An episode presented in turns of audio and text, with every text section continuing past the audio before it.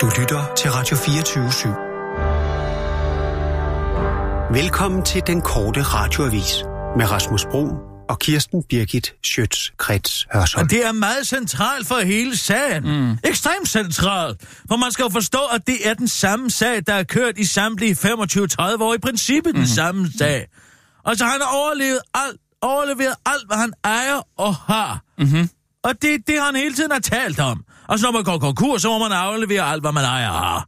Der er ikke nogen, der har sagt, at han ikke har afleveret det, han skulle. Mm. Han har afleveret sin kunst. Han har afleveret sin rødvin og alt det, man gør, når man nu går konkurs. Mm, mm. Og så bliver det 2008, før man lukker det konkurs på. Og så løber det 16 år. Mens det kører, indgiver man så en politianmeldelse mod Claus Rieskær, og der bliver offentliggjort, og, og det bliver offentliggjort, han har taget 350 millioner i kassen af de her selskaber. Det står i aviserne. Mm. Men det, det har han vel også gjort, Altså, da anklageskriftet bliver fremlagt. Gjorde, gjorde han ikke da, da anklageskriftet bliver fremlagt. Jamen, kan du ikke svare på det? Jamen, jeg kommer til at svare på det nu. Nå.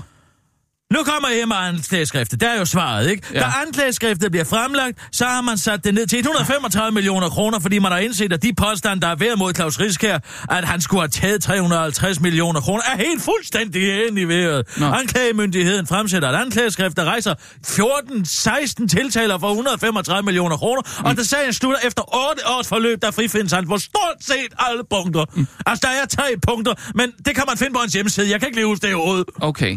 Men, altså, men, essensen altså, er bare, nej, nej, nej, nej, nej, nej, nej, nej, nej, nej, nej, nej, nej, fordi nu skal vi holde fast. Ja. Hvis vi endelig vil gøre det her, så gør vi det rigtigt. Ja, jamen, og det vil sige, at den sag, der starter med, at han bliver kaldt som kautionist, og afleverer alt, hvad han har, og bliver beskyldt for at stjæne 350 millioner kroner, selvom han kun bliver dømt for 6 millioner kroner for en betinget dom. Okay. Det er første stop. Husk det. Ja, ja. Husk det. Det er ja. første stop. En betinget dom 6 millioner kroner, og noget med noget valgkamp og pjat og pjank.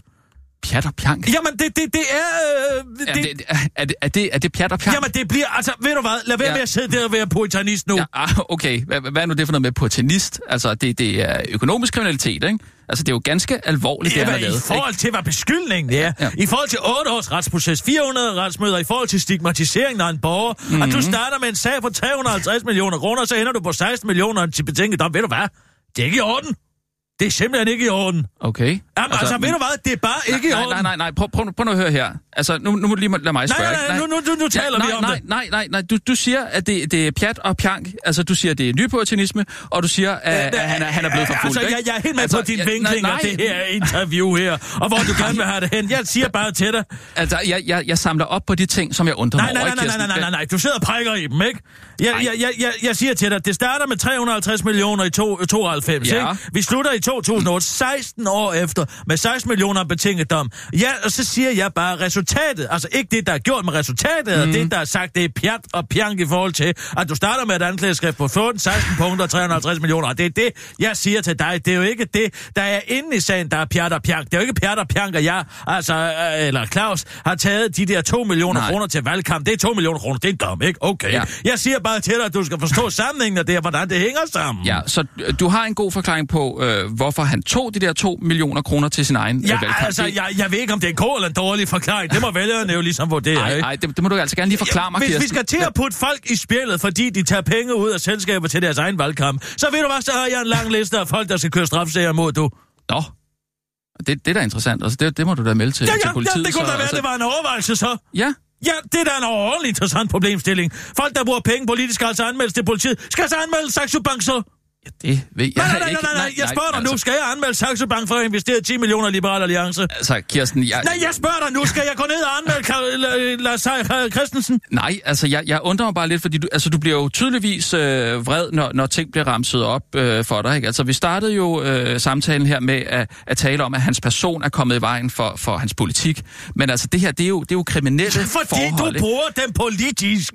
Hvad mener du med, at jeg bruger dem politisk? Jeg ved du hvad? Hvis, hvis du interesserer dig for det kriminelle, så har du sat dig ned og gennemanalyseret helt det her sagsforløb. Okay. Det er der jo ingen af jer journalister, der gør, bortset fra mig. Det, det rager jeg en papperen, hvad indholdet er. I hiver det kun frem for at bruge det i en politisering omkring Claus Riskærs kandidatur til Folketinget. Det er systematisk politiske angreb. Der er ikke en journalist, bortset fra Kirsten, altså mig, der har et eneste dagblad, der har sat sig ned og sagt, sig mig, hvad er sammenhængen egentlig i den her sag? Fordi den sag, du taler om her... Kirsten, det, det, er, det er simpelthen... Det er den altså, samme sag. Det er jo ikke sådan, at Claus Riske er gået ud og spillet med folks penge, og så kommer han to år efter, at man har lukket kultur, konkursbo og åbner et nyt konkursbo. Mm. Ah, Claus Riske, øh, vi kan se, at du har tjent 30-40 millioner kroner nu. Vi fik kun aldrig en sidst. De fik 75 millioner kroner. Nu stiller vi konkursen igen, men det er det samme krav. Det er virkelig det her, min ven.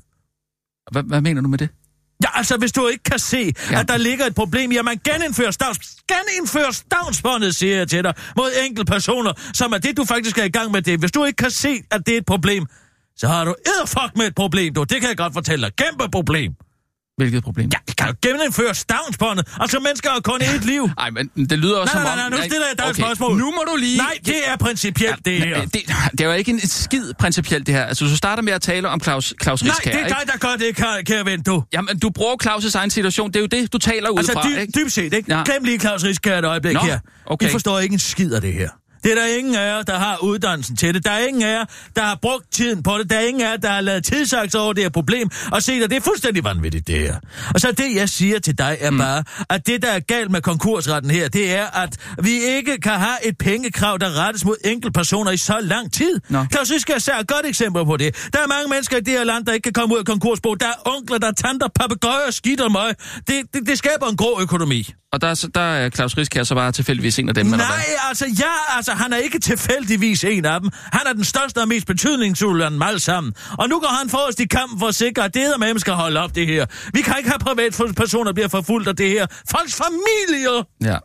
Har, har du ondt af, af Claus Riskær? Nej, jeg har ingen skid ondt af Claus Riskær. Nå, det lyder da sådan, Nej, altså. jeg har ikke ondt af Claus Riskær. Jeg er træt af, at når han forsøger som borger at komme ind i politik, så, så skal han sidde med en flok småborgerlige proletarjournalister, der ikke forstår en skid af noget okay. som helst. Sy- synes, du, synes du, jeg. Jamen, det, du er underuddannet. I forstår ikke, hvad det går ud på. Det er det aller værste, er, at I ikke sætter jer ind i det. For hvis I gjorde det, så kunne jeg muligvis forstå det. Altså, jeg har ikke noget som helst uh, problem med at blive kaldt pøbel eller, eller proletar. Det, det tager jeg sådan set som et, et, et varemærke. Altså, jeg kommer faktisk fra en, en god arbejderfamilie i Jylland, øh, og det er faktisk tit dem, jeg tænker på, altså mine hårdarbejdende familiemedlemmer, der, der har slidt i årvis, Kirsten. Altså, hvad vil de sige? Men, men øh, nu er det jo ikke kun min journalistiske uddannelse, vi bygger det her på. Det har faktisk, øh, altså, der har faktisk været flere eksperter inde over Jamen, det er sige, ikke eksperter. At, for nu skal du lige høre en, en ting her. Du må holde op med at hive folk op af en ekstra og kalde dem for eksperter. Jamen, det er jo... Jamen, de har ikke sat sig ind i det her forløb. Der er ingen moralitetsbetænkning om det. Claus Riske starter Cyber City, mm. og vil jo selvfølgelig ikke have, at de kommer og tager det fra ham. Nej, så han kan beholde pengene selv. Nej, det er jo så ikke det. Ja, ja, altså, han lægger dem jo ind i en fond. Det har ikke så meget at gøre med pengene, for fanden. Det, det har det da. Altså, det er millioner af kroner, der er tale om her. Folk tænker altid kun på det, de aldrig selv har haft. Claus Riske, han har altid haft penge, så det tænker han selvfølgelig aldrig på. Det er sådan uh, noget, folk uden penge tror betyder enormt meget. Penge er ikke altid det vigtigste. Det er projektet, der handler om. Undskyld mig, hvad? Altså, han skylder så mange millioner kroner væk i skat til os alle sammen. Staten, Kirsten. Og så siger du, at penge ikke betyder noget for, for Claus Riskær. Altså, fordi, fordi han altid har haft dem, eller hvad? Prøv at høre, jeg taler om, hvorvidt penge er en motivator, og han beskytter en virksomhed, som han bygger op. Nu ja. tager vi lige en ting ad gang. Ja. Altså, du kan jo ikke køre mig rundt med fire punkter på en gang, ikke? Altså, vælgerne kan ikke finde ud af det. Ej, det, det tror jeg faktisk godt, de kan. Altså, prøv at sige, at han har gjort noget kriminelt. Det er det, ene, det er det eneste, du siger, det er, at anklageskriftet det kommer. Du siger, at øh, det, det er som om, der er noget, der bliver påduttet Claus, og han ikke har begået noget øh, kriminelt. Den det, synes jeg, lovovertrædelse, ja. han gør, er ved at beskytte en virksomhed, som han ønsker at drive. Mm. Og den lovovertrædelse bliver han ansvarlig overfor. Og, men altså, jeg synes, vi kører... Du vil jo gerne gøre tingene til noget frygteligt, noget planlagt, Ej, systemisk det... kriminelt. Men det, er, det, det, det er ret simpelt. Han vil ændre konkursreglerne. Ja. Han vil have, at almindelige mennesker kan beskytte sig selv, så de ikke ender som Claus, hvor de kommer til at kriminalisere sig selv ved at flytte rundt på nogle aktiver. Ikke? Jeg anerkender, at de transaktioner, han lavede, var en overtrædelse. Og dermed, at han må jo afzone sin straf. Men du forstår ikke? Og så glemmer vi juremanden. Så glemmer vi juremanden ja, lidt. Ja. Og den, den reelle dom var 12 millioner kroner. Ja. Hvilket også er en slags penge, ikke? Ja, ved du hvad, de er tilbagebetalt, og den kvittering er der et link til på Claus' hjemmeside, ja, så den glemmer du Kier, også. Kirsten, Kirsten, altså... Nej, nej, nej, nej, nej, nej, nej, nej, nej, nej, nej, for du, du, du glemmer faktisk, at pengene er betalt her, ikke? Undskyld, er det interessant, at de penge er betalt ja, eller ej? Det er da interessant, øh, men, men altså, det er, jo, det er jo stadig 170 millioner, der ikke ja, er betalt, det er jo ikke? så et valg, kreditorerne tager, det må du forstå. Altså, han har betalt det, han er dømt for i en straffesag, hvor han har taget 12 millioner kroner. Der meddeler man, at han skal i fængsel og betale mm. pengene tilbage, og de er tilbagebetalt. Pas dig på, pas dig på. Nå, okay. Han har vasket tavlen ren. Ja. Så længe er den historie simpelthen ikke. Du vil jo selv bruge tiden på det, ikke? Ja. Jeg er stjerne irriteret over, at vi skal snakke om det her frem for politik. Men det er helt fint. Ja, det er helt fint. Men man kan, jo ikke, man, man kan jo ikke introducere ham øh, politisk øh, eller som person uden at... Ja, ja, det finder vi ud af, ikke? Når du vælter en mand, så har han jo ikke mere at betale af, vel? Det er derfor, man skal være forsigtig med at erklære folk konkurs. Den gæld følger Claus ja. for evigt. Ja, Kir- Kirsten, vi har sådan set kun to minutter Ja, tilbage, så skal nyhederne det, på. du. Tillykke med det, siger jeg bare. Ja, men altså undervejs, så har du udtalt dig lidt respektløst over for domstolene. Ja, ja, ja. Altså, Nu, nu, nu, nu har vi brugt en halv time på det her, så kan du og din journalistkollega gå i gang med Okay, research. Kirsten, du har ingen respekt for mig. Altså, han har ingen respekt for en professor i, i selskabsret, ingen respekt for en cheføkonom hos øh, Cepos. Altså, hvor, hvorfor skal han vælges ind, hvis han ingen respekt har for de andre store institutioner i Jamen, det her altså, land? han har, det, det, han har det, hvis de er ordentlige, hvis de er hæderlige, tænker på borgerne, har et godt hjerte og bruger hovedet ordentligt. Sebosmanden, ved du hvad han var? Han var politiserende. Jeg Nå. gider faktisk ikke engang at høre på ham. Og professoren der, som du har hævet op af 18, han var faktisk lektor, han har ikke sat sig ind i tingene. Og dig, der burde være journalist, aner ikke engang, at der er to konkursspor. Du kender ikke noget til straffesagen, og du vidste ikke, at de penge var blevet tilbagebetalt, de 12 millioner kroner. Det er en skændsel, det her. Det burde simpelthen ikke være sådan et program på Radio 24 Du gider ikke spille mere tid på det. Jeg er glad for, at det er overstået. Ved du hvad, jeg skal passe mit arbejde. Og hvis jeg var vælger, så ville jeg synes, at det var skandaløst, det her. Men altså, det, er- det er... Det, Prøv det, det, er pinligt- starter med det et anklageskrift på forandret. 350 det, det bliver millioner det kroner. Det ender, det bliver så det ender med ord, det der, 6 millioner. Det svarer til, at man beskylder en mand for at slå 20, 20 mennesker ihjel, så han kun slår et menneske ihjel. Og det er så ikke Nå. det er et dårligt eksempel. Men altså, du ved, du ved, hvad jeg mener principielt. Det er den samme sag. Ja, det kan jeg faktisk godt lidt se. Nå, godt, godt. Jo, jo, altså, der er jo forskel på, om man slår 20 mennesker ihjel eller et menneske. Ja, ja, ja. Det er det. Det er det samme med det her. Hvor fanden sagde du ikke bare det til at starte med så? Åh, oh, det ved jeg ikke. Jeg synes bare ligesom... Altså, det er jo selvfølgelig... Men, øhm, ja, okay. Skal vi... øh, Okay, point taken. Skal vi tage, Point en, skal taken. vi tage en nødsudsendelse så? Jeg synes Lad, det... lad, os være enige om at være uenige. Ja, og lad, lidt lad, os, lad os gøre det. Men Skal vi altså, gøre det? jeg spørger bare, fordi jeg er interesseret. Ja, og ved du hvad? Det skal du også bare Ja. ja. gøre. Men den måde, du gør det på, den er simpelthen så forbandet ubehøvlet, kan jeg godt fortælle dig. Synes du det? Ja, det synes jeg, det er. Jeg Hvordan synes det. skal man dog spørge? Øh, Lad ham nu for helvede bare lige komme i Folketinget, så skal det jo nok ændre sig. Nina, skal vi tage en nødsudsendelse? Hej, Nina. Hallo? Hallo? Hallo. Kan I høre mig? Ja, vi kan godt høre dig. Kan du Jeg kan- høre os? Undskyld, jeg kommer kan ikke lige... høre. Jeg kan ikke så godt se dig herfra. Jeg tror lige, jeg skal... Nu vinker Hej. jeg. Jeg vinker til dig. Jeg vinker. Ja, du vinker tilbage. Kan du høre mig vinker. nu? Hvorfor vinker hun? Fordi jeg vinker. Er I, er I uvenner? Lige to sekunder. Nej, nej. Jeg synes, I ser så vrede ud. Kan du høre noget? Hallo? Prøv, du skal Kirsten. tænde for den. Du skal tænde sådan, så du kan høre, hvad vi siger. Har du noget i dine hørebøffer? Jeg kan høre, hvad hun siger. Kan Ja. du høre det? Okay, nu. Prøv lige at sige noget. Er der gang? En, to. Hallo? En, to. Ja, jeg kan høre jer nu. Jeg Nej, hvor godt. Okay, Prøv nej, vi sidder bare og engang. taler Prøv Nina, kan Ja? du høre, hvad jeg siger? Så prøv Jeg lige kan- at sige noget. Ja, øhm, jeg er bare lidt øhm, Hun bevæger læberne. urolig for, at... Øh, Hun bevæger Er læberne. Kan du ikke høre, hvad hun siger? Jeg kan Er intet høre. Jeg kan høre det. Hun siger, hun er lidt bekymret. Prøv lige at sige det igen. Hallo? er I uvenner? Tjek, Hun tjek. spørger, om vi er tjek. uvenner. Nej, vi er Skændes? ikke uvenner. Nej, vi skændes ikke. Vi, øh, vi diskuterer Tror bare. hun, vi er uvenner? Ja, hun tror, vi er uvenner. Kan, hvis du kan høre mig, Jeg Nina, høre- så, jeg så er vi altså ikke øh, uvenner, hvis det er jeg det, du kunne tror. ikke øh, høre, hvad der skete øh, lige i starten af... Der er intet, der går igennem her. Kan du høre noget? Det går slet ikke igennem her. Prøv at høre her, min ven. Vi er slet ikke uvenner. Vel? Vi diskuterer bare. Det er sådan noget, voksne gør en gang imellem. Det skal du ikke være ked af. Så, så I går ikke fra hinanden, eller... Hvad siger hun? Hun spørger, om vi går fra hinanden. Nej, Nej, det gør nej, vi i hvert nej, fald ikke. nej, vi har nej, bare en nej. diskussion. Nina. Og ved du hvad? Det, det kommer slet ikke til at ske. Men hvis det gjorde, så ville det ikke være din skyld. Sådan må du aldrig tænke. Det må okay. du i Okay. hvert fald ikke tænke, vel? Men I lover, at I ikke går fra hinanden? Ja, ja, vi går ikke fra hinanden. Det lover vi. Hvad siger hun? Hun spørger, om vi går fra hinanden. Nina, vi går ikke fra hinanden. Hvis du kan høre det, jeg siger nu, altså det, vi er ikke, øh, altså vi diskuterer bare. Altså, Vi har en helt almindelig voksen demokratisk samtale. Det er ikke, fordi vi bliver sure på hinanden overhovedet, ikke? Nej, nej.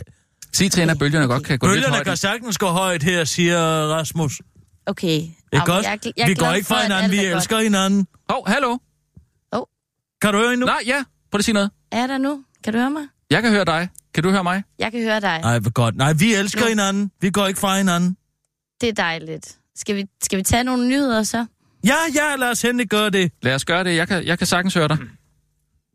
Og nu, live fra Radio 24 Studio i København. Her er den korte radiovis med Kirsten Birgit Schøtzgrads Hasholm. Statsregnskabet vil blive ledsaget af såkaldte bemærkninger til skatteområdets regnskab for 2017. Hvad der skulle have været en drøm at godkende statsregnskaber ind med at blive den mareridt af et statsregnskab med bemærkninger fra statsrevisorerne. Det viser sig nu efter, at Henrik Sars Larsen, der virkelig har brug for en sag, der ikke kan lige handle om pjek, har fået lov til at stå i spidsen for den kritik, som statsrevisorerne venter sig komme med af skatteområdets regnskab for 2017. Statsrevisorerne lægger nemlig for første gang i historien op til, at regnskabet skal være en genstand for en egentlig selvstændig debat i Folketingssalen. En selvstændig debat, der helt konkret vil foregå på den måde, at Socialdemokraterne tids gruppeformand og statsrevisor Henrik Sars Larsen går på Folketingets talerstol på vegne af statsrevisorerne, som han jo får løn for at være en del af, for at aflægge mundtlig beretning. Hvis der, der ikke Gud forbyde det, er en ekstrablad journalist, der kommer til at stille ham et kritisk spørgsmål inden da. Vi tror på, at Henrik kan klare den her sag. Det er en ren vindersag. Han kommer til at fremstå super kritisk og handlekraftig. Han skal bare lige sætte sig ind i, hvad vi andre er kommet øh, med af bemærkninger til regnskabet. Det er jo blandt andet det, vi har brugt alle de møder, hvor Henrik ikke har været der til at finde ud af, med udtaler Henrik Thorup, der er formand for statsrevisoren til den korte radioavis, og forklarer, at det sværeste nok bliver for Henrik Sass ind i Folketingssalen, uden at blive mødt med kritiske spørgsmål, der kan trække ham ned i depressionens mørke. Henrik Sass selv er dog super duper fortrøstningsfuld forud for fremlæggelsen af statsrevisorens beretning, da han allerede har fået lov til at fremstå sådan rigtig handlekraftig i Berlingske, hvor han udtaler, at nu er det citat virkelig, virkelig, virkelig alvor. Og citat, vi er vrede, det er vi virkelig. Og at uh, citat er en skandale simpelthen. Ja, Tell me something I don't know, lyder det fra skatteminister Carsten Lauritsen til den korte radioavis, og han udtaler til Berlingske. Jeg er helt enig i, at det er en skandale, at der ikke kan afleveres et regnskab, hvor Skats ledelse, rigsrevisor og statsrevisorerne ikke er tvunget til at give bemærkninger eller tage forbehold. Men jeg må bare sige, at det jo ikke er en ny skandale. Det er et produkt af de sidste 10 års problemer. Ja, ja, det ved jeg sgu da godt. Jeg har da været til det møde, lyder det fra Henrik Sass, inden han lige går ind og læser lidt op. Forskere fandt ting, der ikke burde være der, på bunden af verdens største blå hul. Det var der, jeg var, siger Henrik Sass. Et internationalt forskerhold færdiggjorde for nylig en historisk ekspedition til bunden af verdens største blå hul, der dermed lever op til sit navn, det store blå hul. Det primære formål med ekspeditionen var at lave nye billeder af det store blå hul, og derudover har forskerne benyttet sonarudstyr til at indsamle data til en detaljeret 3D-model af det store blå hul. Men på bunden af det store blå hul fandt forskerne også spor, som det endnu ikke har lykkedes at identificere ifølge deltager i ekspeditionen Brian Price, og jeg forvekslet med personen Brian Rice, var det, øh, citat, som at tage til månen og finde fodspor, der ikke burde være der. Vi overvejede, om det kunne være fra et dyr, som havde trukket sig ind over bunden, mens det forsøgte at finde ud af, om det kunne være noget, der var faldet ned fra overfladen og havde rullet rundt. Men det gav bare ingen mening, forklarer Brian Price til TV2. Men Brian Price behøver ikke at lede længere end Christiansborg efter en forklaring, lyder den nu fra Henrik Sass. Det er mig, der har ligget dernede på bunden og rullet rundt i depressionssølet.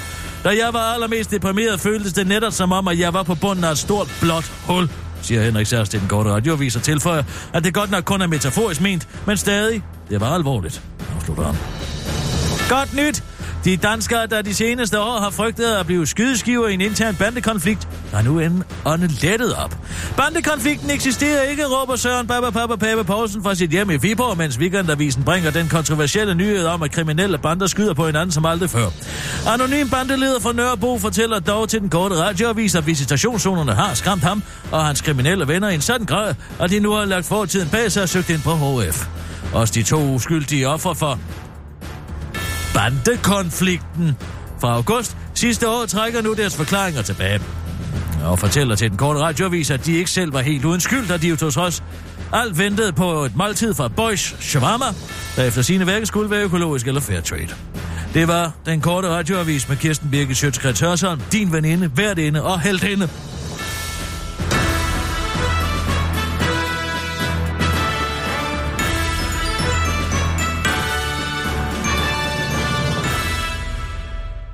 Ja, tak. Jeg skal da lige love for, at de slår ring om Henrik Sass. Øh... Hvad? Jeg skal da lige love for, at de slår ring om Henrik Sass. Hvem gør? Socialdemokraterne tid. Ja, man skal da passe på sine syge. Ja, det skal jeg da lige love for. Hvis de er ens egne. Ja.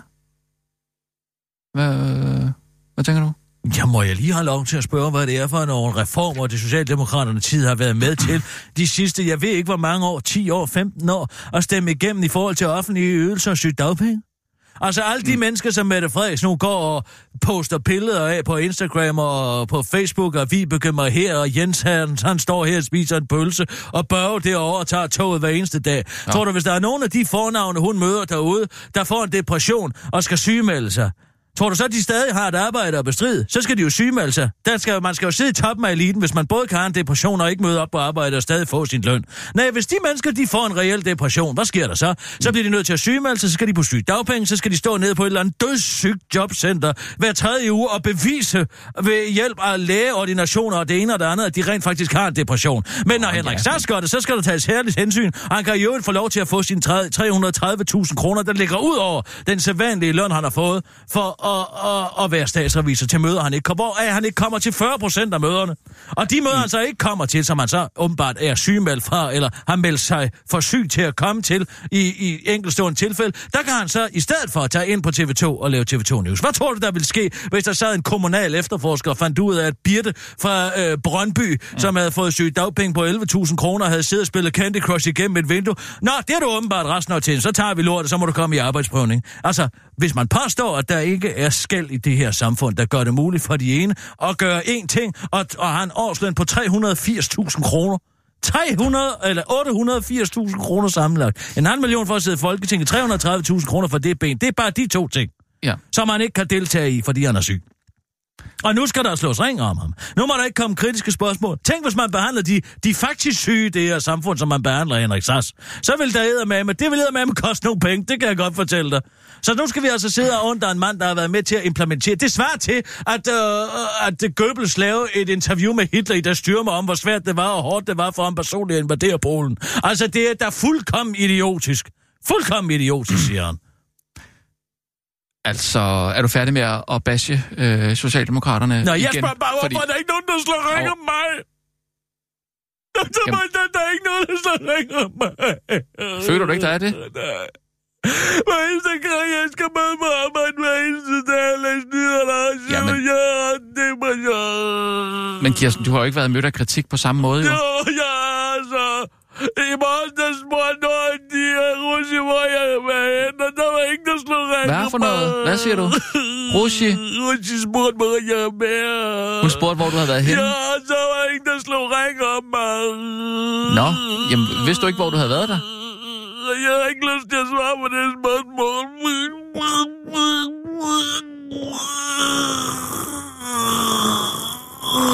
Men det var ikke, der slog ring. Jamen, Jeg vil da gerne slå ring om dig, hvis det er, Så Kirsten. gør det dog. Så send en alle-mail ud. Skal jeg sende en alle-mail ud?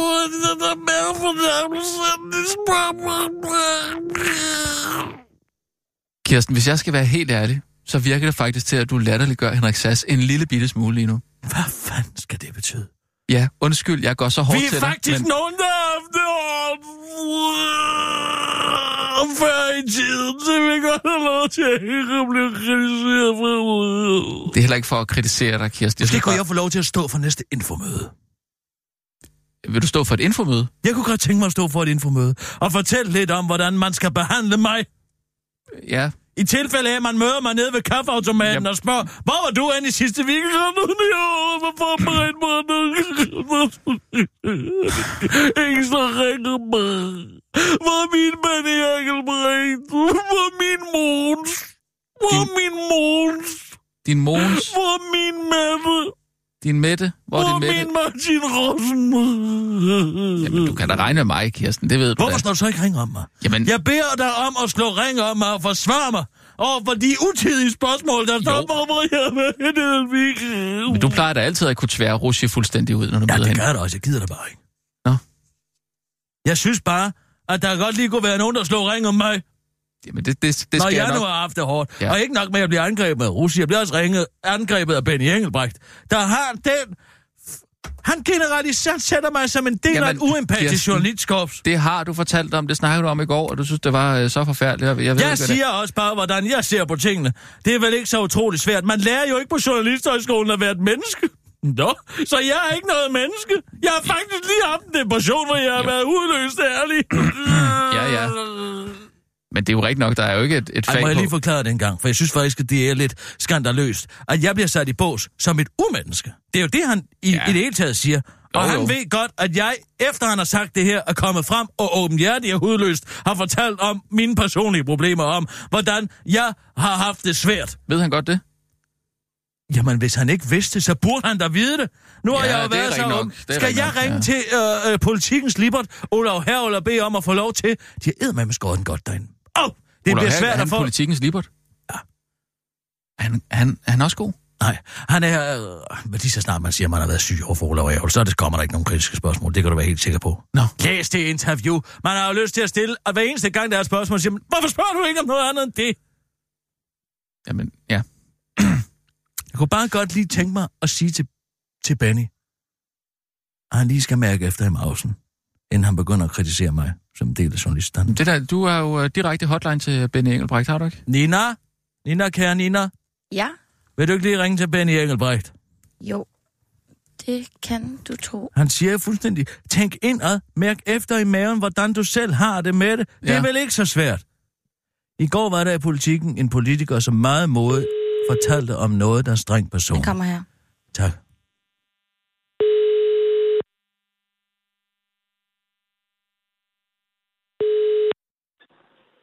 Det er Ben Engelbrecht. Goddag, Benny. Det er Kirsten Birke Sjøtskreds Hørsholm her. Goddag. Må jeg lige have lov til at sige, at du burde skamme dig? Øh, over noget særligt, eller bare fordi jeg taler med dig i telefon? Nej, du burde skamme dig, fordi at jeg kan læse i politikken, at journalister ikke er mennesker. Nå. Amen. Eller er det Berlingske? Jamen, men sød til Kirsten, du er, jo, du er jo indbegrebet af et godt menneske. Sådan Ja, er det. men må jeg godt lige have lov til at sige, at når jeg læser dine ord der, og jeg har lige haft en depression sidste weekend, og hvis der er noget, jeg ikke har brug for, så er det at åbne avisen, og så står der for dig, at jeg er et dårlig menneske.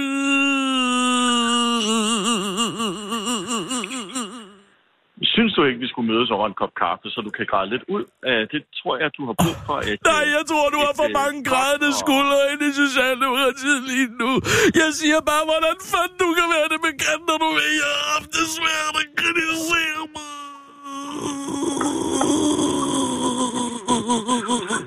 Jamen, vi er jo nogle empatiske mennesker, og vi har hjerterum til mange.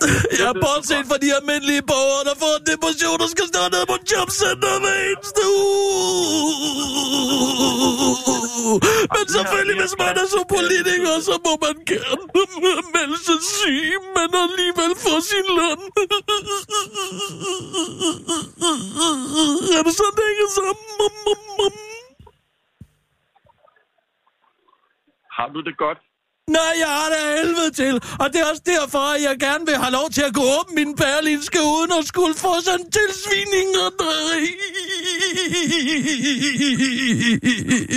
Men, men, men, men vi må jo så også ærligt indrømme, at alle, som læser Berlingske, bliver jo deprimeret.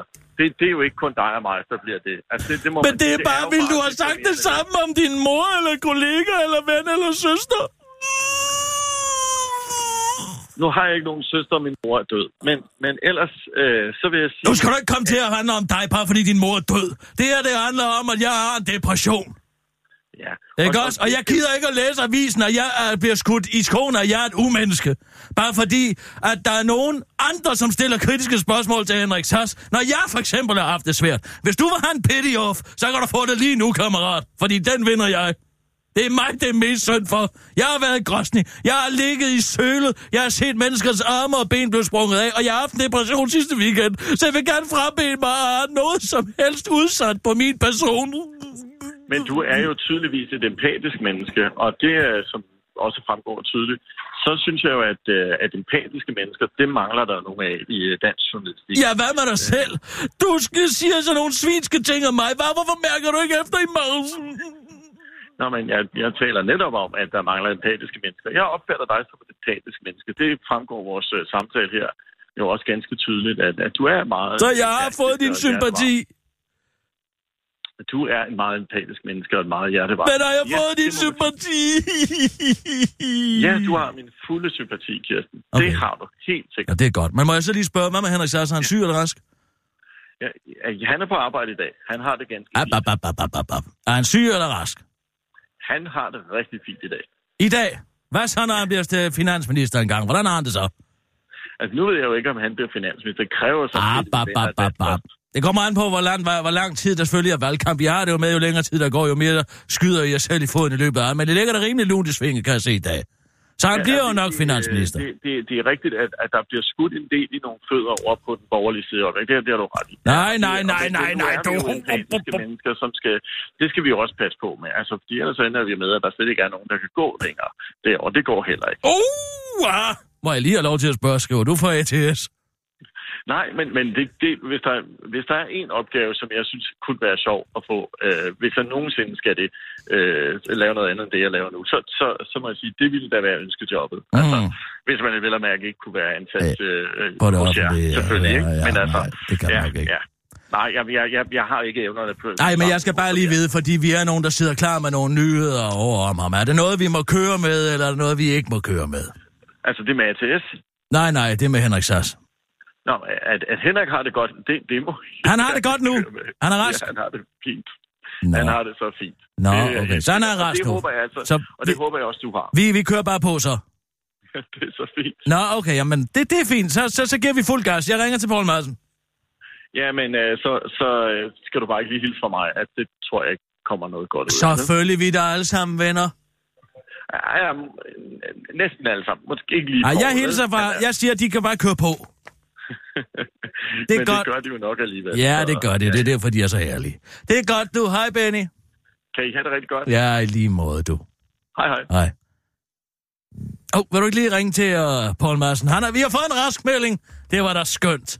Han var da on fire. Jamen, han er skarp. Ej, det er han altså. Jamen, jeg Hold siger op. bare, hvis det ikke var, Det- fordi jeg selv skrev så tirsdag. Hvor mange, øh, hvem har vi så af Socialdemokrater, der tager telefonen nu?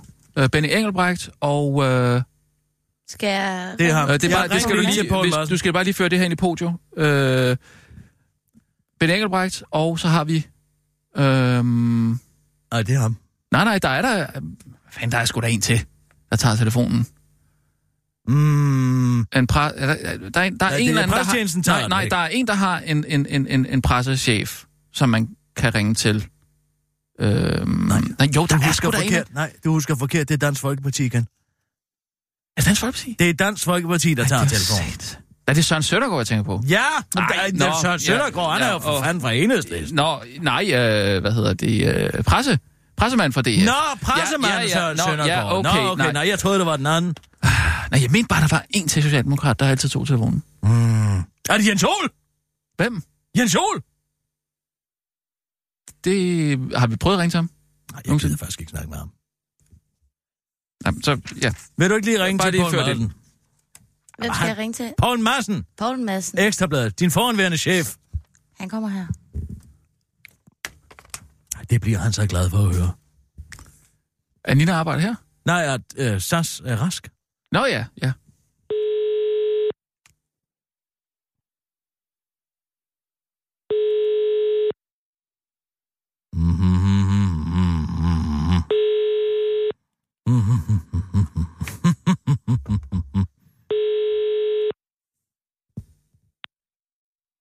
Ej, altså, Poul.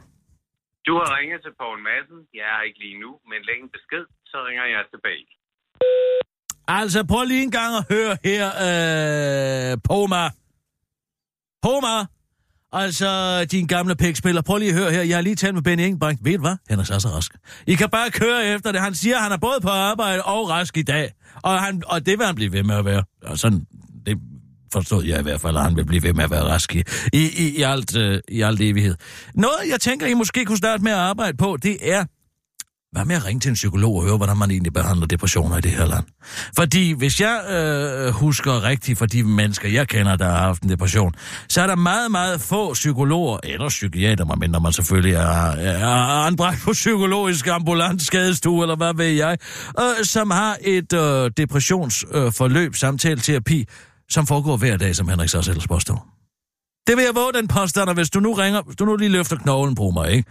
Ringer til Dansk Psykologforening eller et eller andet og spørger, hvordan man sædvanligvis behandler i, i en depression, så, så, så, så tror jeg allerede der, at man måske overhovedet kunne stille spørgsmål ved, hvorvidt han overhovedet har besøgt en psykolog, Henrik Sass. Og, og, og, og, og hvis du kan bevise, at han ikke har besøgt en psykolog, eller i hvert fald sandsynlighed, sandsynliggør det, så kan du derefter ringe til Mette Frederiksen, som påstår, hun har talt med psykologen, som siger, at, øh, at hun har talt med både Henrik Sass og hans psykolog om, at Henrik Sass, han sang skal være minister, selvom Henrik Sass siger i sit interview i politikken, at psykologen har anvist, at han måske skulle finde et andet arbejde. Jeg synes, der er nogle huller i den historie, som du måske kunne grave lidt i. Du har en gravegruppe derovre. Sæt dem på den, du. Nå, det er jo godt. Det er jo Kirsten Birk Sjøtskreds og sådan mere. Farvel. Så kan du bare cut mig ud, Nina. Oh, der er ikke noget at starte dagen som en god. ja, nu har du det helt godt, kan jeg godt se på dig. Mellidenhed standoff. Mm. Jeg tror, du vandt den i hvert fald. Jeg tror, jeg vandt den også. Jamen, jeg går ikke ind i noget, medmindre jeg ved, jeg kan vinde. Nå, lad os, skal vi tage nogle nyheder, Nina? Yes. Hvad laver du egentlig, mens, mens jeg ringer rundt? Hvad sidder du så og laver? Jeg sidder bare og roder med det hele. Nå. Ja. Og hvad har du fundet ud af? Hvad har du lært i dag? What Jeg- did you learn in school today? Jeg har lært, øh, at der er nogle forskellige knapper. Ja, og ja. nogle af dem lyser pink, og nogle af dem lyser orange. Og så er det lige med at finde ud af, hvad for nogen, der passer til hvad. Nå, nå. Ja. Så der er altså der, der er fagkode derude. Okay, det Yes. Må jeg nok men, sige. men du vil have nogle nyheder? Ja, jeg vil gerne have nogle nyheder. Nyhederne kommer her. Det er godt. Og nu, live fra Radio 24 Studio i København. Her er den korte radiovis med Kirsten Birgit Schøtzgrads Hasholm. TV2 Nøj. Dansk Folkeparti vil have taxaer i busbanen. En taxatur vil ifølge Dansk Folkeparti blive langt billigere, hvis taxaerne fik lov at, be, at benytte busbanerne, skriver TV2 Løg. Taxierne er også en slags kollektiv kørsel, som er en afløser for, at man tager bilen, siger Dansk Folkepartis gruppeformand Karl Christian Ebbelsen til TV2 Løg. Før han fortsætter til den korte radioavis. Populært sagt, så skifter man sin egen bil ud med en anden bil, og det gør jo en kæmpe forskel for den kollektive trafik, for man er jo to i bilen i stedet for en. En chauffør og en kunde. Klimavenligt, siger Christian, øh, Karl Christian Ebbelsen til den korte radioavis. For han til TV2 Løg forklarer, at taxaer i busbanen ikke vil forsinke den kollektive trafik yderligere, fordi taxaerne allerede forsinker den kollektive trafik. Et af argumenterne imod er, at busserne vil kunne blive forstyrret i deres regulariteter, og taxaerne holder ind og sender folk af. Det gør jo i forvejen. Så se på det på den måde, så på den måde mener vi ikke, at det vil gøre en stor forskel, hvis vi tillod det, siger Karl Christian Ebbesen til TV2 Løje. Og fortsætter til den korte radioavis. Det er vist nok det, man kalder civil ulydighed. Mit parti plejer jo ikke at gå ind for det. Vi plejer faktisk at gå ind for det modsatte, altså flere lov. Men hvis man øh, noget kan blive billigere, så er det jo godt, siger Karl Christian Ebbesen til den korte radioavis, før han tilføjer et citat. Det skal være billigere, billigere, godt. Baba, baba, det er ønsketænkning. Forslaget om at retsforfølge danske fremmedkrigere i f.eks. Syrien, hvor de sidder i fængsel, er citat ønsketænkning, hvis man spørger justitsminister Søren Barbara Pape Poulsen. Jeg tænker umiddelbart, at det er mere ønsketænkning, end det er realistisk, siger Søren Baba Papa Pepper Poulsen til politikken, før han til den korte radioavis forklarer, at han altid går med sine umiddelbare tanker, og sjældent tænker nærmere over noget, før han beslutter sig for, at det ikke kan lade sig gøre. For ellers så skulle jeg jo kæmpe for, at det kunne lade sig gøre, og det gider jeg ikke, siger Søren Baba Papa Pepper Poulsen til den korte radioavis, før han, øh, for, for, før han forsøger at aflede opmærksomheden fra sagens kerne, og begynder at komme med andre eksempler på ønsketænkning. At jeg bliver statsminister, det er ønsketænkning. Eller at de konservative rent faktisk på et tidspunkt får en form for indflydelse, det er også ønsketænkning, afslutter Søren Baba Poulsen til den korte radioavis for til politikken. Forklarer han citat, synes at denne debat er gået lidt skævt, ved at man har glemt, at rigtig mange syrienskrigere jo er vendt hjem. Det er rigtig mange gående herhjemme, siger justitsministeren, som om, at det skulle hjælpe på noget til politikken. Endelig! Mads Steffensen afslører. Sådan bliver du en del af masser monopolet. Er du en af de mange, der vil ønske, at du var en del af Masses monopol og kunne rådgive ukendte mennesker, om de skulle tage til Roskilde Festival eller barndåb, eller om de skal forlade deres kæreste, fordi Jytte fra regnskab er mega fræk, så kan du nu endelig få svaret på, hvad, der, hvad du skal kunne, kunne for at komme i stald hos Mads Steffensen. Det var i Godmorgen P3, han afslørede hemmeligheden, og den kommer her. Først og fremmest skal du være god til at kommunikere og være begavet at høre på. Dernæst understreger Mads Steffensen, at det er underholdningsprogram, så det er vigtigt, at man er sjov. Selvivni sætter han også stor pris på. Og så skal man selvfølgelig være modig. Jeg vil gerne have, at de giver noget af sig selv. Jeg siger tit, at hvis man har den, en oplevelse, som kunne passe ind i et dilemma, så brug den. Det giver nærvær. Det var BT, og de har hørt om sige på B3. Så værsgo, der har du opskriften på en monopolist i, på, på en monopolist i programmet Mars Monopolet. Mads Steffensen fortæller også, at han selv vil være ret dårlig til at være en del af panelet. og beskriver sig selv som en lukket bog øh, enormt privat og alt for ufærdig. Derfor er han meget glad for, at han har rollen som vært og ikke skal hjælpe lytterne med deres dilemmaer. Jeg vil aldrig vælge mig selv til det, siger han ifølge BT. Han tilføjer til den korte radiovis. Jeg er ellers mega meget selvevnig, og jeg opfylder til fulde krav nummer et, som er så naturgivet, at jeg ikke glemte at sige det. Du skal selvfølgelig være kendt, ikke nødvendigvis. Uh, Mads Steffensen kendt, men kendt nok til, at folk gider høre din løsning på deres problem. Og så skal du være god til at sige aldeles fremragende citater, som jeg kan sælge flere af mine masser monopolet bøger. Nu står jeg lige op på en velkårlig side med visdom. Min søn, det er Susanne Bjerrehus, der siger, smilet er den korteste vej mellem mennesker. Wow, hvor er jeg en god færd, afslutter Mads Steffensen. Det var den korte radioavis med Kirsten Birgit Schøtz. Grits Hørsholm.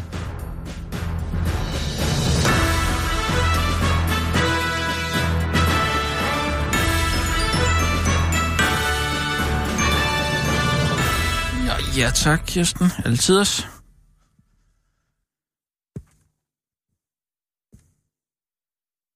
Hvad? Nå, jeg leder bare. Prøv lige at komme med og se ham her. Hvad skal jeg se?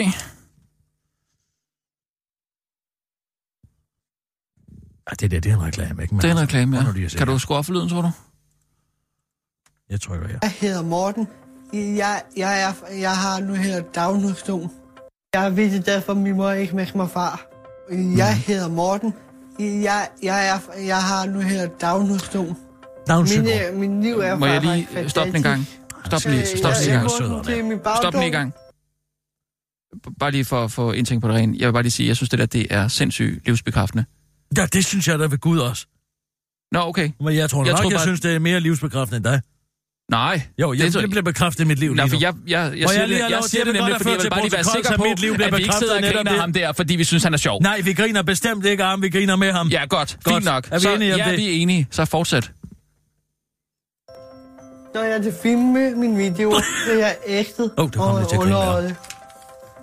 Det, der mig glad, er, er det, jeg dog Han siger, det der gør mig glad, er at gøre andre mennesker Ja, glade. der er undertekster på, Det jeg er kan godt se det. damer har. Det er kamera. Min YouTube, Ja. er, hvis der er nogen, der Den har en YouTube-kanal. at Ja. jeg Ej, den vil jeg følge. Når de ser min Nej, jeg følger den først. Så får jeg det at vide. Hej alle sammen.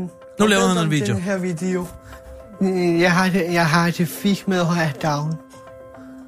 Det er livsbekræftende. Fordi jeg, øh, jeg har, jeg har lært at acceptere det. Ah, han er altså. Prøv lige at se. Se, hvor meget medieting han har. Det er, når man danner mig bagter eller mod død. Nej, det er ikke rart. Det kalder for mongol.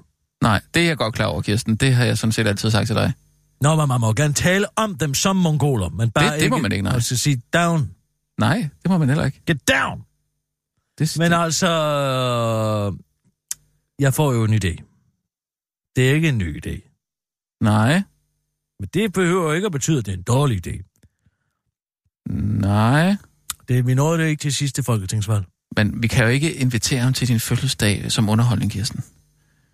Jamen, jeg har haft fødselsdag. Og det var ikke ham, der var mongol surprise. Det var en anden. Jeg siger bare, det er en idé, du har haft før, så altså... Det, Det var faktisk jeg, der spillede mongol. Det Nå, gør han okay, altså ja. helt utroligt godt. altså, øh, fris eller kort? Øh, kort, hva'? Nå, ja, det kan jeg faktisk godt se. Altså, han er øh, en fantastisk underholder. Han har virkelig sandwich. Uh, take, uh, timing. Ja. Det har han altså. Nej, jeg tænker selvfølgelig på Downs med valget. Den der gamle idé der. Mm, Da, da altså, vi, der, der, vi der var noget- sidste gang, der var den her knægt. Han var 19 år. I dag er han 23. Ja, Han er blevet mere moden. ja. Men Ja. undskyld, lad os lige... Lad os lige, øh, Og så har han et skide godt mongolnavn. Han hedder Morten. lad os lige kigge på øh, faldgrupperne en gang. Altså, hvad var det, der gik galt sidste gang?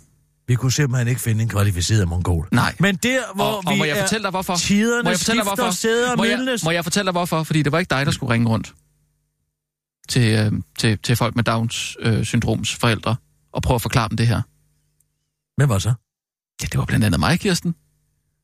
Jamen, så har du jo simpelthen ikke talegaverne i orden. Jo, men, men, men så kunne jeg godt tænke mig et talepapir og, og, øh, og, og henvende mig til de her øh, forældre ud fra. Fordi det er meget, meget svært at sige, at vi skal bruge øh, øh, en, en person til at stille nogle, nogle, øh, nogle øh, rigtig gode spørgsmål, som så tilfældigvis øh, har downs. Øh, fordi folk ikke frygter et kritisk spørgsmål fra dem, ikke? Ja. Ja. Det, det, det synes jeg, det var sådan, Det kan ja. jeg godt forstå. Ja. Men nu er det nu engang lettere at spørge en mongol end Libert. Vi kunne selvfølgelig også have brugt Libert til det, ja. Han er jo noget dyrere. men han er for dyr. Ja. Og han sidder sikkert også og laver sit eget halvøj. Men det næste ned under Libert, det er jo så en mongol. Skulle vi ikke øh, prøve med Nina, er Olav? du med derude? Jeg er med. Jeg er med. Projektet er som følger. Få en mongol. Øre, giver ham en øresnegl. Bop, bop. Downs. Downs. Den skal du altså huske. Det er så vigtigt, når man henvender Downs sig. person. En Ja, de vil ikke have, man, øh, man kalder dem det. ja, nogen vil jo godt. Det er jo det, der er så forfærdeligt vanskeligt at rode rundt i. Det er nogen, der er jo glade for det. Jo, men jeg tror ikke, deres forældre er, er glade for. Det er jo ofte det, man skal have fat i, vil jeg bare lige sige. Eller de hjem, de er på, det, øh, der, der bryder de sig ikke om, om ordet, øh, M-ordet. Ideen er som følger. Men i stedet for at have en kritisk journalist stående til et pressemøde, eller til en eller anden form for Vælgermøde. offentligt vælgermøde, eller sådan et eller andet i løbet af valgkampen, så har man en person med Downs stående. Fordi at hvem frygter et kritisk spørgsmål fra en person med Downs, og hvem vil jo nægte at svare på et spørgsmål fra en mongol? Jamen ikke nogen forhåbentlig. Nej, det er jo det, så de er jo slette mennesker. Men så finde en mongol med medietækker, og jeg tror, at glæden og solstrålerne har tilsmilet os i dag. Fordi jeg tror, Morten Deløjran, han er Dølleran. Deløjran. Han er lige personen til det. Uh, Okay. Så det, Jamen, jeg den, er, gerne vil... den er jeg på så. Eller hvad? Det, ja, det er et segment, der hedder Downs med valget. Downs med valget. Og han skal bare have en øresnegl i, og så være stillet igennem til mig. Okay. Så han skal bare gentage det. Han skal være en papegøje med Downs. Ja, okay. Ikke også? Øh, du kommer til at, at, at, høre en masse spørgsmål om det der med øresnegl. Altså, hvad er en øresnegl? Øh, vil, vil de ofte have forklaret. Oh, okay. Øh, og der skal du prøve at, at fortælle mig, at det ikke er noget spiseligt. Okay. Okay. Altså, det er ja, simpelthen det et stykke en- teknik, som de får i Det er ørerne, men det er, altså, der art, løber eller? jeg i hvert fald selv hoved mod, mod muren øh, i den situation der. Der kan jeg mærke, der rammer jeg den fuldstændig. Ja. Ja, men, men noget plastik. Noget el- Det er en elektronisk. dims. Sig, det er en dims. En, en dims. Ja, men ind i altså en ikke spiselig dims. Nej, Det er meget vigtigt, ikke. for den Nej. skal i øret, ikke i munden. yes. Så langt, så godt. Jamen, ja, den, øh, det prøver jeg. Og han må selvfølgelig lægge det op, materialet, på sin egen YouTube-kanal, hvis han vil det. Det er jo også noget, der Ja, det er da en god idé. Det, det kan jo give noget content. Der er sådan set ikke nogen, der behøver at vide, at jeg er i øret på ham. Nej, skal der ikke være en disclaimer eller noget, tænker du? øh? Nej. Nej, okay. Men altså, hvis han bare går ud, man kan filme det selv, hvis han vil det. Altså filme sig selv, mens han stiller spørgsmål. Ja. Okay. Eller få sine forældre til det. Ja. Ikke også? Jo. Så skaff du lige ham. Det sker. Held og lykke. Tak. Nå, Ja. så er der det Disruption-rådet. Det ved jeg ikke engang, jeg har ikke skrevet noget på det, men altså, Nej, man må da tage sig til hovedet. Ved du, hvad er det ikke lukket? Ja. De er kommet med en eller anden dødssyg rapport, som ingen kan bruge til noget, og nu er det blevet opløst. Men Disruption-rådet har brugt 1 million kroner på konsulenter. Øhm, Altså, i den periode, Ja. ja. det eksisterede på et år, har de brugt 1 million kroner på så vi har fået konsulenter. en, en second opinion. Jeg troede, de var konsulenterne. Ja, det kan man selvfølgelig sige. Altså, var det ikke meningen, Men- Men... at de skulle rådgive om, hvordan man fik mere disruption ind i politik? Jeg fandt aldrig rigtig ud af, hvad det egentlig gik ud på. Jamen, det var det, det gik ud på. Og derfor så spørger jeg, hvordan kan en gruppe... Altså, er det, vi er enige om, at det er definition på en konsulent? Det er nogen, man hyrer ind til en opgave for at rådgive om, hvordan man løser en, en given opgave. Mm. De mennesker, som så er konsulenter, har så hyret nogle eksterne konsulenter for 1 million kroner, Ja. altså et år. Det er næsten 100.000 kroner om måneden. Mm. Knapperne op, ikke? mm. Og hvad På så? at rådgive dem om, hvordan de rådgiver om, hvordan der kommer disruption. Altså, hvor mange, ja. Hvor mange konsulentrækker er der her? Det- Udover at de selvfølgelig er fløjet til USA på business class i en inspirationstur, som der er kommet en et minut lang video ud af, som hvor mange mennesker har set? Det, det ved jeg ikke. 5.000 mennesker. Nå, det er da... Den video har kostet 100.000 kroner at producere. Ja, man ved jo aldrig, hvor stort et reach man har, kan man sige. Ikke? Altså, det kan jo... Ja, det skal jeg fandme da lige love for. De kunne da have brugt en femmer på at promovere det på Facebook, så var der langt flere. Men det med konsulenternes konsulenter, det, det, det må jeg sige, den er altså ny for mig. Ja, ja. Det er ja, altså så- noget helt nyt, om man Det er begynder jo lidt det. øh, old news. Nu er det lukket, ikke? Altså, så... Nå jo jo, os, men nu øh, kommer historierne jo. Jo, jo. Nu kommer historierne jo om, at de er fløjet på business class. De har betalt 180.000 kroner for at Ja. flyve øh, seks mennesker til USA i jeg ved ikke hvor lang tid. Og så er de blevet bespist efter overnatning og øh, udgifter for 3.000 kroner per mand per, per næse per nat. Jamen, er det ikke, fordi de skal komme udviklet frem, tror du, til et eller andet vigtigt møde? Det er jo flyveturen. Men at de Ja. så også skal ligge altså på 20 æderdynsdyner og, og 20 madrasser hver eneste nat åbenbart. Og i øvrigt ikke lave noget, men få nogle konsulenter til at skrive en rapport, som er fuldstændig umulig. Mm. Altså, hvis det ikke er Dansk Disruption Råd, så ved jeg fandme da ikke, hvad jeg er. Nej. Nå. Og Nina, Ja, det er blevet tid til en uh, nyhedsudsendelse. den kommer her. Og nu, live fra Radio 24 Studio i København. Her er den korte radiovis med Kirsten Birgit Schøtzgrads Hasholm. Sådan undgår du fugleklatter på terrassen.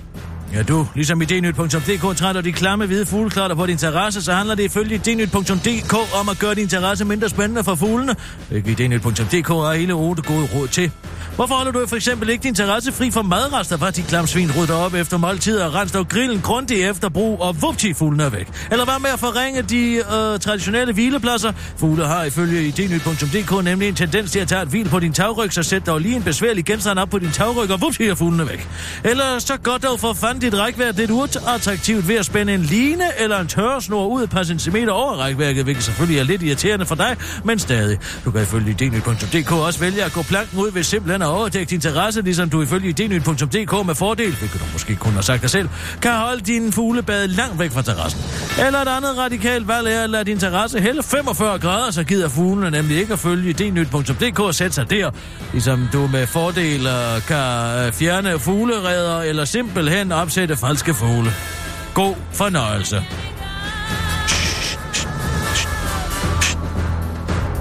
Hvad er det? Hørte du det? Nej. Skru det ned. Skal jeg Nej, jeg kan ikke høre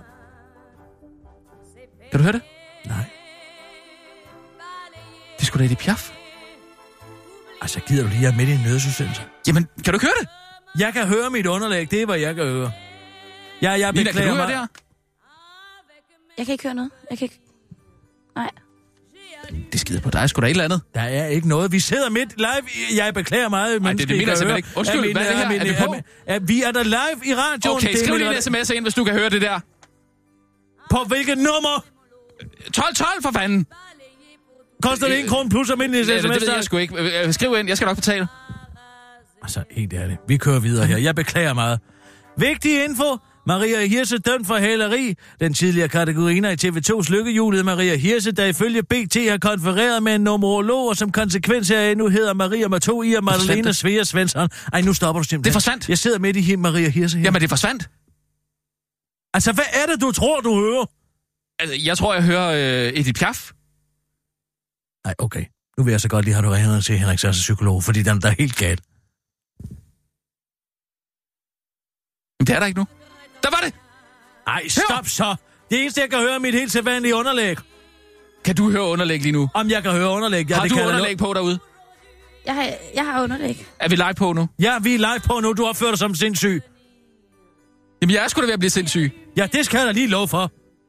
Og så må jeg have lov til at udføre mit værv her. Og så sæt dig ned og stik hovedet mellem benene. Jeg ved da ikke, hvad det er. Åh, oh, det, det er ikke så behageligt, det her. Beklager meget. Nu er vi tilbage igen her. Den tidligere kategoriner i TV2's lykkehjulet, Maria Hirse, der ifølge BT har konfereret med en nomolog, og som konsekvens heraf nu hedder Maria Mato I og Madalena Svea Svensson. Er tirsdag øh, ved retten i Helsingør blevet kendt skyldig i hæleri for 70.000 kroner i dem tre måneders betinget fængsel samt ulønnet samfundstjeneste i 80 timer. Pis, lød det ifølge BT oprørt fra en tydeligt frustreret Maria med to og Madalena Svea Svensson, der i øvrigt også blev dømt for ulovlig våbenbesiddelse, fordi hun havde gemt et klojern i en køkkenskuffe. Det er typisk, at det er den kendte, der bliver dømt, siger Maria Matoi og Malena Svea Svensson til den korte radioavis, da den korte radioavis møder hende ude foran retsbygningen umiddelbart efter domsafsilen med reference til, at hendes medtiltalte begge gik fri. Jeg sagde med ikke meget lykkehjul over den dom, siger Maria Mato i, her Malena Svensson. Svea Svensson til den korte radioavis og tilføjer, at den eneste grund til, at hun er hælet, er, hun citat, blev ramt af en depression sidste år. Og så tænker man jo, citat, ikke klart. Det var den korte radioavis med Kirsten Birgit Schøtz, og så.